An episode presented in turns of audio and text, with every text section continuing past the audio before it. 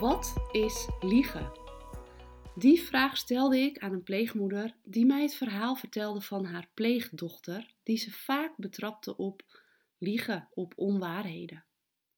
Ze kwam die keer gefrustreerd binnenlopen en zei: Mijn pleegdochter liegt en ik weet niet hoe ik dit gedrag kan doorbreken, hoe ik hiermee om kan gaan, hoe ik dit aanpak.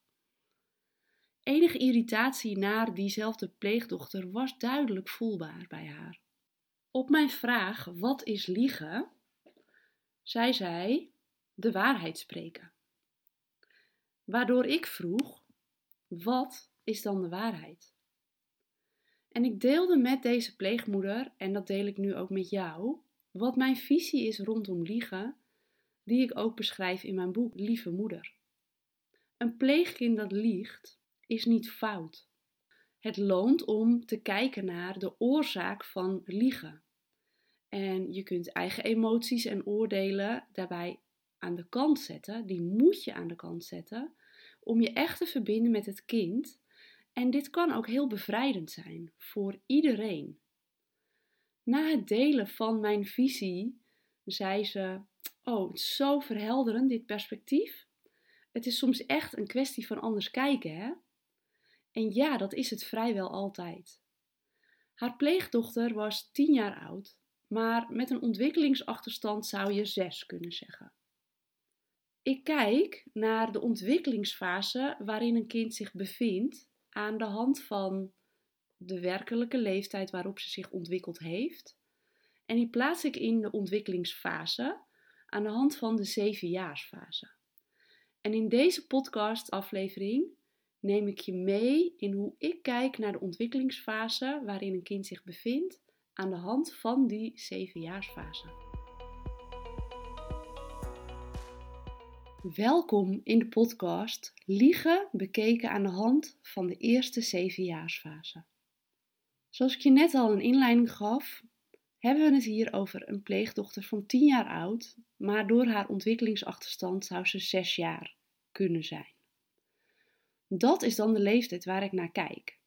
Zij bevindt zich dus in de eerste zevenjaarsfase, de fase van 0 tot 7 jaar, van geboorte tot leerrijpheid. Leerrijpheid die je herkent aan de fysieke verandering van tanden wisselen en de overgang die een kleuter maakt naar leerrijpheid, naar klaar om te leren lezen, schrijven en rekenen. De eerste zevenjaarsfase in het kader van liegen gezien. Wat brengt het ons door te kijken naar deze fase? Nou, deze leeftijdsgroep zien krokodillen onder hun bed, heksen en Sinterklaas zijn echt, kabouters in het bos bestaan. Dus als zij fantaseren dat zij in de Efteling zijn geweest, is dat hun waarheid. Als ze dromen dat ze pannenkoeken hebben gegeten bij oma, dan waren zij daar echt. Hun beleving is hun waarheid. Dus wat is dan liegen?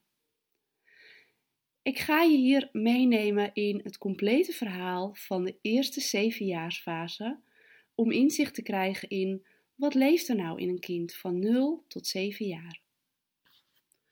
De ontwikkelingsfase van kind naar volwassenheid zijn beschreven door Rudolf Steiner in, zoals ik al zei, de zevenjaarsfase.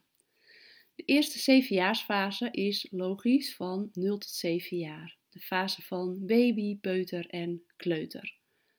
De tweede fase is van 7 tot 14 jaar, het schoolkind.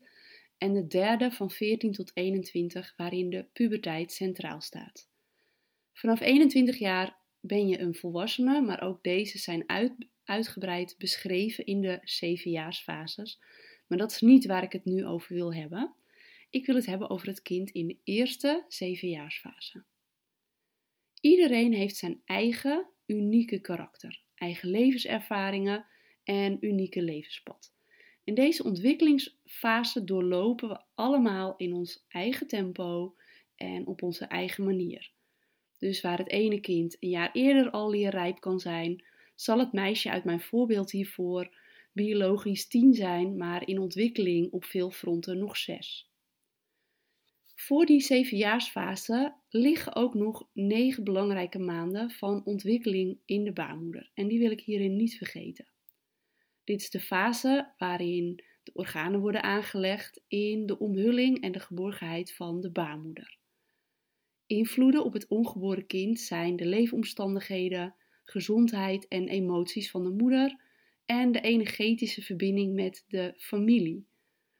Ehm, het onderdeel uitmaken van een familiesysteem en wie van jullie werkt met systeemopstellingen, hoef ik hier niet uit te leggen hoe patronen generaties lang doorgegeven kunnen worden en door inzicht en de juiste coaching ook gestopt kunnen worden. Die omstandigheden hebben ook invloed op de periode van het geboorteproces op zich, het proces van de incarnatie, het landen hier op aarde in de armen van zijn doorgaans biologische ouders. De eerste zevenjaarsperiode staat in het teken van goedheid en van nabootsen. Een kindje is klein en afhankelijk, staat open voor zijn omgeving en neemt die indrukken mee. Vanaf de geboorte gaat een baby grote ontwikkelingen door. Het ontwikkelt zijn lichaam, waarbij alle cellen vernieuwd worden, met als laatste de tanden. Dus de eerste tandenwisseling wordt ook gezien als de afsluiting van de eerste zevenjaarsperiode. Het kindje leert in deze eerste fase zitten, lopen, spreken. En kindjes in deze leeftijdsfase leren vooral door nabootsen. Ze doen na wat ze zien in hun omgeving. Een pasgeboren kindje ervaart de wereld als een eenheid.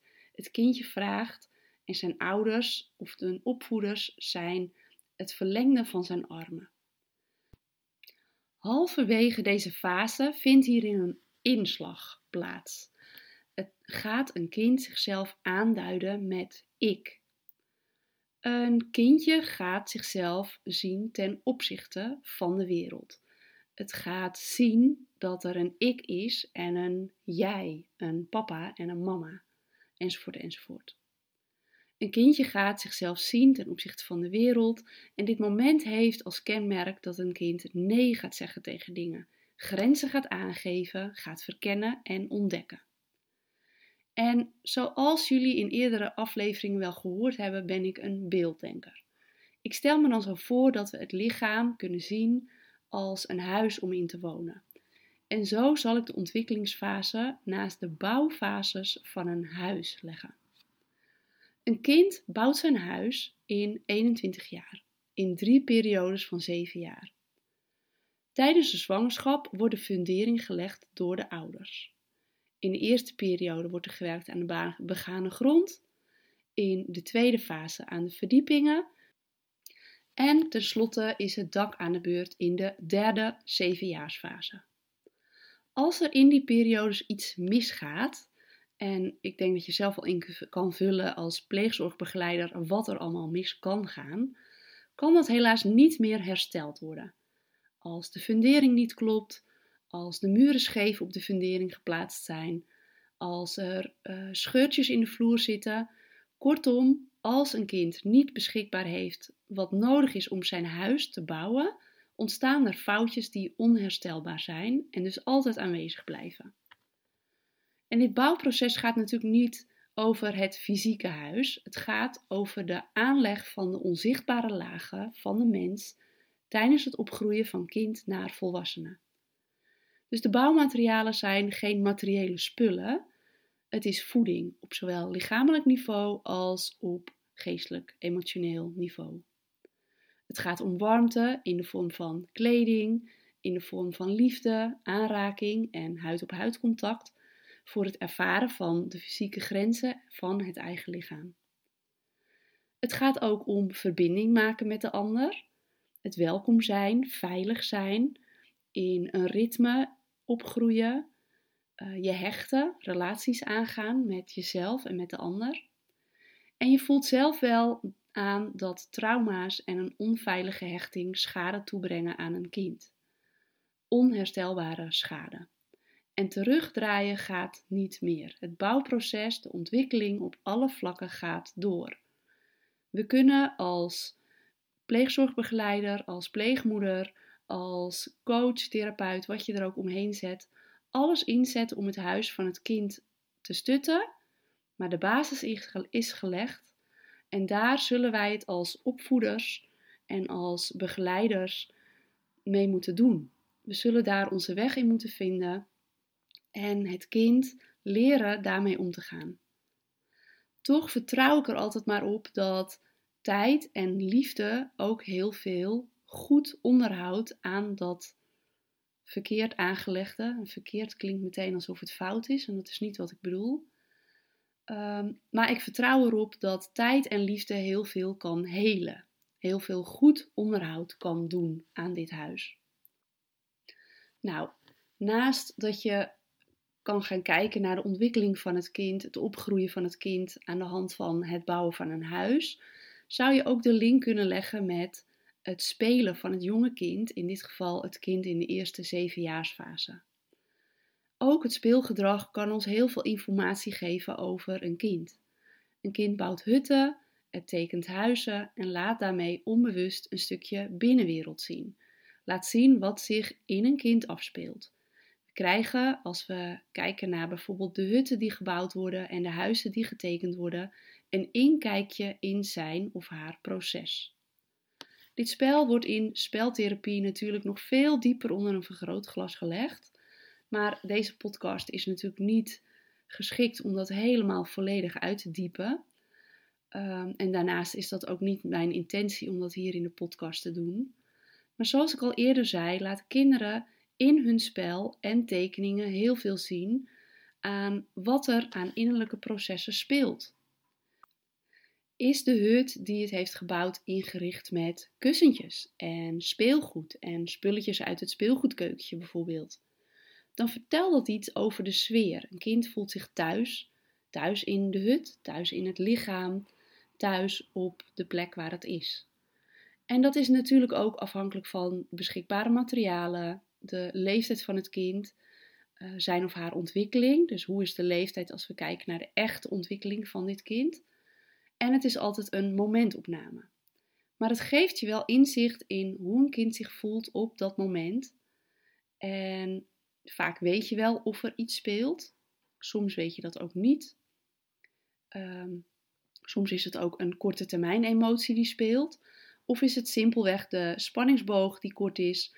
Of dat er een afleiding is waardoor het kind iets heel anders gaat doen voordat de hut af is. Kinderen beginnen ook met tekenen in de fase dat de eerste woordjes gezegd worden. De ontwikkeling van een kind zie je terug in de tekeningen die het maakt. De motoriek, de controle over de potloden die het, uh, hoe het gebruikt wordt, die in het begin bijvoorbeeld nog wiebelig is. In tekeningen gaan motoriek en emotionele ontwikkeling gelijk op. Huis, boom en menstekeningen zijn wereldwijd ook universeel. Dus het is ook heel interessant om te zien hoe kindjes in hele andere leefgebieden dezelfde huizen bouwen, uh, bouwen tekenen. Hoe kinderen die in een flat wonen een huis tekenen van de kubus met het driehoekige dak erop, ondanks dat zij in een flat wonen, of in een boerderij, of in een heel ander modelhuis. En kinderen laten in deze tekeningen dus onbewust zien hoe ze naar zichzelf kijken. Onbewust geeft dit kind dus een inkijkje in wat er afspeelt in het kind, in de belevingswereld van het kind. Een huistekening staat symbool voor die innerlijke belevingswereld.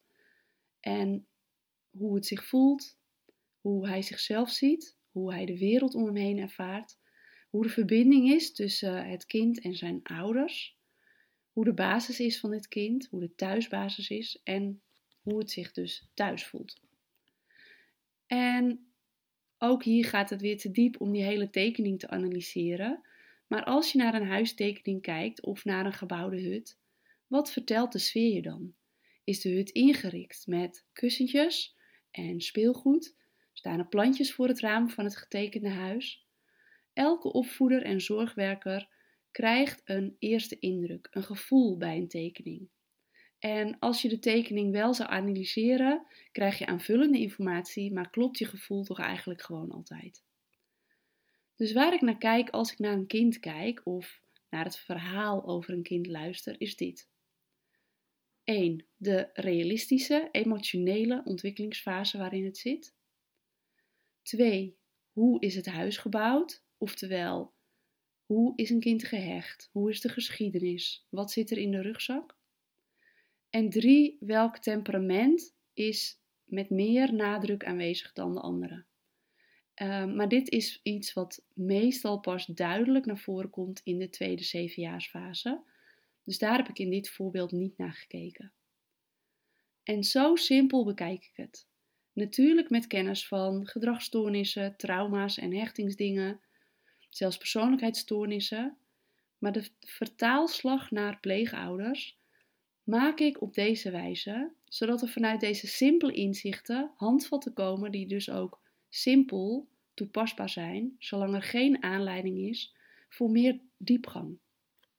Want als je mij kent, dan ken je ook de visie dat een diagnose of het aangeven dat er mogelijk X, Y of Z speelt of ontwikkelt, brengt mogelijk ook zwaarte of negativiteit met zich mee.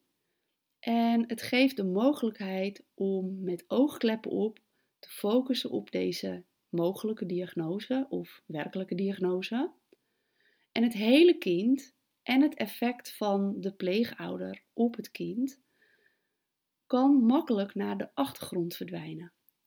Het geeft opvoeders namelijk de mogelijkheid zich te verschuilen achter die diagnose, om alles op die diagnose te schuiven. Tot zover mijn verhaal over de eerste zevenjaarsfase. In een latere aflevering zal ik zeker nog ingaan op de tweede fase of de derde, met daarin mijn visie op de veel besproken puberteit. Tot slot heb ik nog een vraag voor jou. Zijn er nou onderwerpen waarvan je denkt: Goh, ik ben nieuwsgierig wat Sandra's visie hierop is? Wil je dat dan met mij delen? Voel je van harte welkom en stuur je idee via een berichtje op LinkedIn of stuur me een e-mail. De links zet ik onder deze podcast voor je in de show notes. Bye bye.